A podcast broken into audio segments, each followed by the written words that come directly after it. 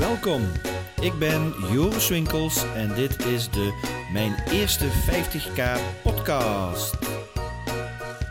Een podcast met informatie en inspiratie voor het verluidend opzetten van jouw business. Hallo allemaal. Ehm, ik heb eh, zojuist weer een eh, gave uh, coach-sessie afgesloten met een aantal mensen van het Mijn Eerste 50k-programma. En een van de nuggets in de sessie was het onderwerp van deze podcast: authenticiteit versus teach and preach. En waar gaat het nou over? Het gaat erover dat we, en ik zeg we, maar ik heb het hier over mezelf, ik, dat doordat we meestal zelf door allerlei persoonlijke ontwikkelingstrajecten gaan, uh, hebben we veel inzichten en zijn er shifts in ons leven en Ehm, dat geeft ons een beeld van uh, hoe dingen zouden kunnen gaan. Hoe inzichten, welke inzichten belangrijk zijn, hoe we problemen kunnen oplossen voor mensen in dezelfde situatie. En uh, het is voor mij altijd een uitdaging en een groeiproces, en dat is het nog steeds, om me bewust te zijn van het onderscheid, dus de distinctie tussen wanneer breng ik iets vanuit authenticiteit, echt volledig vanuit mezelf, uh, vanuit de zelf waar ik voor sta. En wanneer breng ik iets vanuit mijn mental body of vanuit mijn kennis? Uh, en eerlijk gezegd denk ik dat ik pas sinds enkele maanden op een niveau zit in mijn vlogs Um, en dan ben ik nu, denk ik, een twee jaar aan het vloggen. Anderhalf jaar tot twee jaar aan het vloggen. En dat ik pas sinds een paar maanden het gevoel heb... Ja, nu heb ik de, de energie te pakken dat ik het echt vanuit mezelf gewoon kan vertellen. In plaats van dat ik uh, toch vanuit mijn hoofd ben het denken: oké, wat moet ik gaan vertellen en hoe moet ik dat vertellen? En, uh, uh, en dat, ik, dat ik het echt vanuit kennis aan het brengen ben. En ik merk ook dat, dat toevallig, een tijdje, een paar weken terug, was ik op een festival waar ik mensen sprak. En, en een daarvan die zei ook van dat ze het zo mooi vond. ja, dat ze het gevoel had dat ik in mijn vlogs heel authentiek was. Nou, dat gevoel had ik dus een half jaar geleden helemaal nog niet. Toen had ik dus echt zelf het gevoel nog dat ik nog heel erg aan het teachen en preachen was. Maar dat deed ik wel op een uh, zo goed mogelijke manier. Uh, maar ik vond het dus heel leuk om die feedback te krijgen. Um, en ja, voor, voor, um, voor jou is dat mogelijk ook goed om naar te kijken. Nu ben ik ook aan het teachen en preachen. Maar wat is jouw meest, meest authentieke zelfexpressie? Um, als ik zelf naar andere mensen kijk, naar andere blogs kijk, vlogs kijk bedoel ik, dan, uh, ja, dan zijn het vaak de, uh, ja, de vlogs die ik het meest authentiek vind. Dat zijn vaak niet de dingen die de mensen zelf het beste vinden. Maar je ziet wel dat er dan heel veel respons op komt. En die zijn vaak persoonlijk. En uh, dan is je haar misschien niet helemaal gedaan zoals, het zou, zoals je het zou willen. Of die zijn opgenomen een keer in de ochtend, met, nog uh, voordat je aangekleed bent, bij wijze van spreken, nog in je ochtendjas. Of spontaan ergens, terwijl je, er, terwijl je er eigenlijk niet te veel over nadenkt. Misschien is dat, misschien is dat ook een hele goede. Uh, van hoe kun je uh, dingen schrijven en opnemen waarbij je er niet te veel over nadenkt. Op het moment dat je erover na moet gaan denken, ja, dan wordt het volgens mij eerder uh, teaching en preaching. En uh, teaching, teacher patroon, de mensen die Master 1 gedaan hebben, een teacher tango. dat is natuurlijk ook iets om heel goed bewust van te zijn. Want op het moment dat ik een teacher tango heb, dan zul je ook zien dat mensen daarop gaan reageren, dat mensen in reactie gaan. Want eh, ze hebben namelijk jou helemaal geen toestemming gegeven om hun teacher te zijn. En ik zeg nu weer jou, maar ik bedoel ook net zo goed ik. ik ben in de laatste jaren ook heel vaak situaties tegengekomen waarin ik uh, met mensen dan iets begin te vertellen of iets ergens van vind. En vervolgens, ja, maar, en is het niet zo dat. En als ik nu terugkijk, dan denk ik dat ik heel vaak zelf ook in een soort teacher tango zat, in een teacher patroon zat. En uh, wil je een, de juiste context scheppen om in een teacher-patroon te kunnen zijn, dan zul je eerst toestemming moeten vragen. Of in ieder geval een situatie moeten creëren waarbij jij ook de workshop-leider bent. Of de seminarleider. Of uh, de koning van jouw vierkante meter.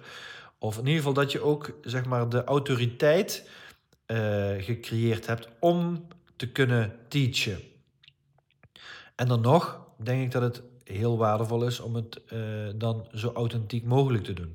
Dus eigenlijk voel ik dat authenticiteit, dat dat de, de weg is naar het uh, verbinden met mensen en naar resonantie met uh, je luisteraars en je lezers. En ja, dat dus door er niet zoveel over na te denken, door situaties te gebruiken die vanuit jouw hart komen door dingen te beschrijven wat, wat je moeilijk vindt, door je kwetsbaar op te stellen. En vervolgens te delen uh, uh, ja, wat dat met je deed en wat je vervolgens voor stappen gedaan hebt. Uh, vanuit je eigen kwetsbaarheid. er zijn nog trucjes als, zij, als de, de, de zin moment, meaning, message bijvoorbeeld. Hè, van, beschrijf eerst het moment waar het om gaat. Wat, wat is de situatie?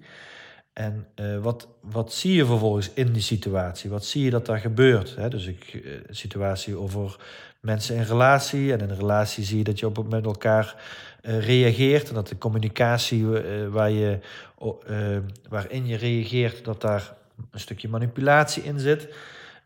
en de betekenis daarvan is, de meaning, is dat je eigenlijk je eigen mannetje of vrouwtje bent aan het creëren of aan het afbakenen. Je bent jezelf aan het positioneren in de relatie. Of je bent je terrein aan het verdedigen in de relatie om niet overroeld te worden, om iemand te zijn.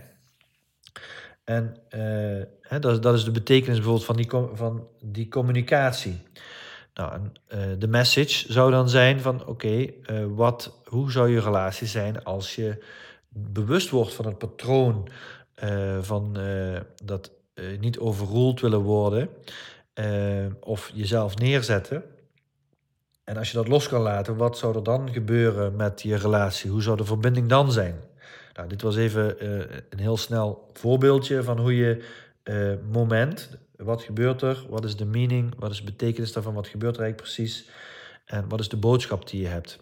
moment, meaning, message, wat je kunt gebruiken om een blog of een vlog of zo op te nemen. Ja, wat ik dan uh, als laatste punt nog uh, in het uh, authenticiteit versus teaching en preaching.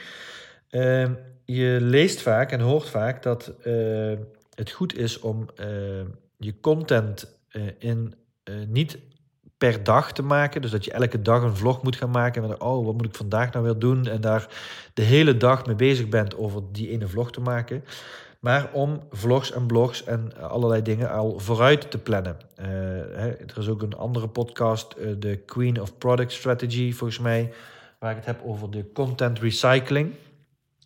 Maar daarmee kun je in ieder geval redelijk snel grotere hoeveelheden content creëren door dingen te recyclen. Dus vanuit bijvoorbeeld een geluidsopname of een podcast uh, drie onderwerpen voor drie blogs. En vanuit die drie blogs kun je er drie vlogs van maken. En vanuit die drie blogs kun je, elke blog heeft weer drie quotes.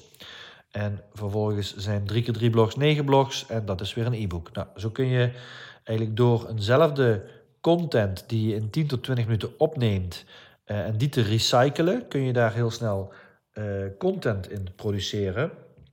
Um, en dat is prima, want dat creëert continuïteit. Hè? En als je die vervolgens met een software programma's zoals Buffer of Hootsuite of ik gebruik zelf Social Report, kun je die content vooruit plannen voor een week of voor twee weken of voor een maand.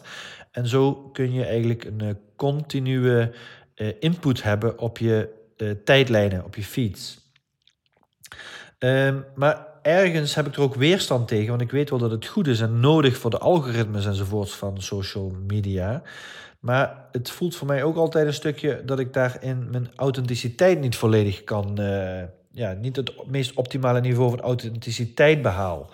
dus ook al produceer ik soms vijf filmpjes, dan ga ik bijvoorbeeld wandelen en dan uh, neem ik de camera mee en dan produceer ik uh, in een uur bijvoorbeeld vijf vlogs.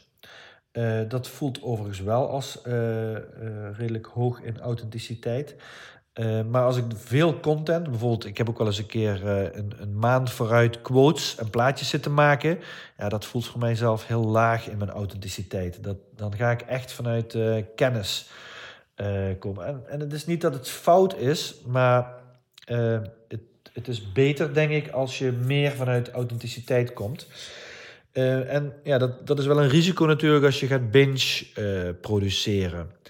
Uh, anders gezegd, zou je voor twee weken of vier weken vooruit, of zeg maar een dag in de week of een halve dag in de week of twee halve dagen in de maand vooruit produceren en uh, dat al zeg maar om de dag of elke dag op je tijdlijn zetten, dan vind ik het even goed een goed ding om daar overheen dan nog je echt je spontane uh, productie te doen.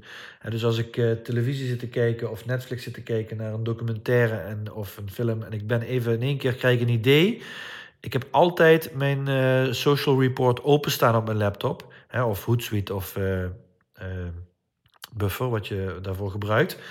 Ehm, en op het moment dat ik geïnspireerd ben om iets te doen, dan schrijf ik het ook op. nou ja, je zou dat ook in een, uh, een, journal kunnen opschrijven om gewoon heel even, als je alleen bent tenminste, de film even op pauze te zetten en even de, de kern van wat je wil uh, delen, om dat op dat moment op te schrijven.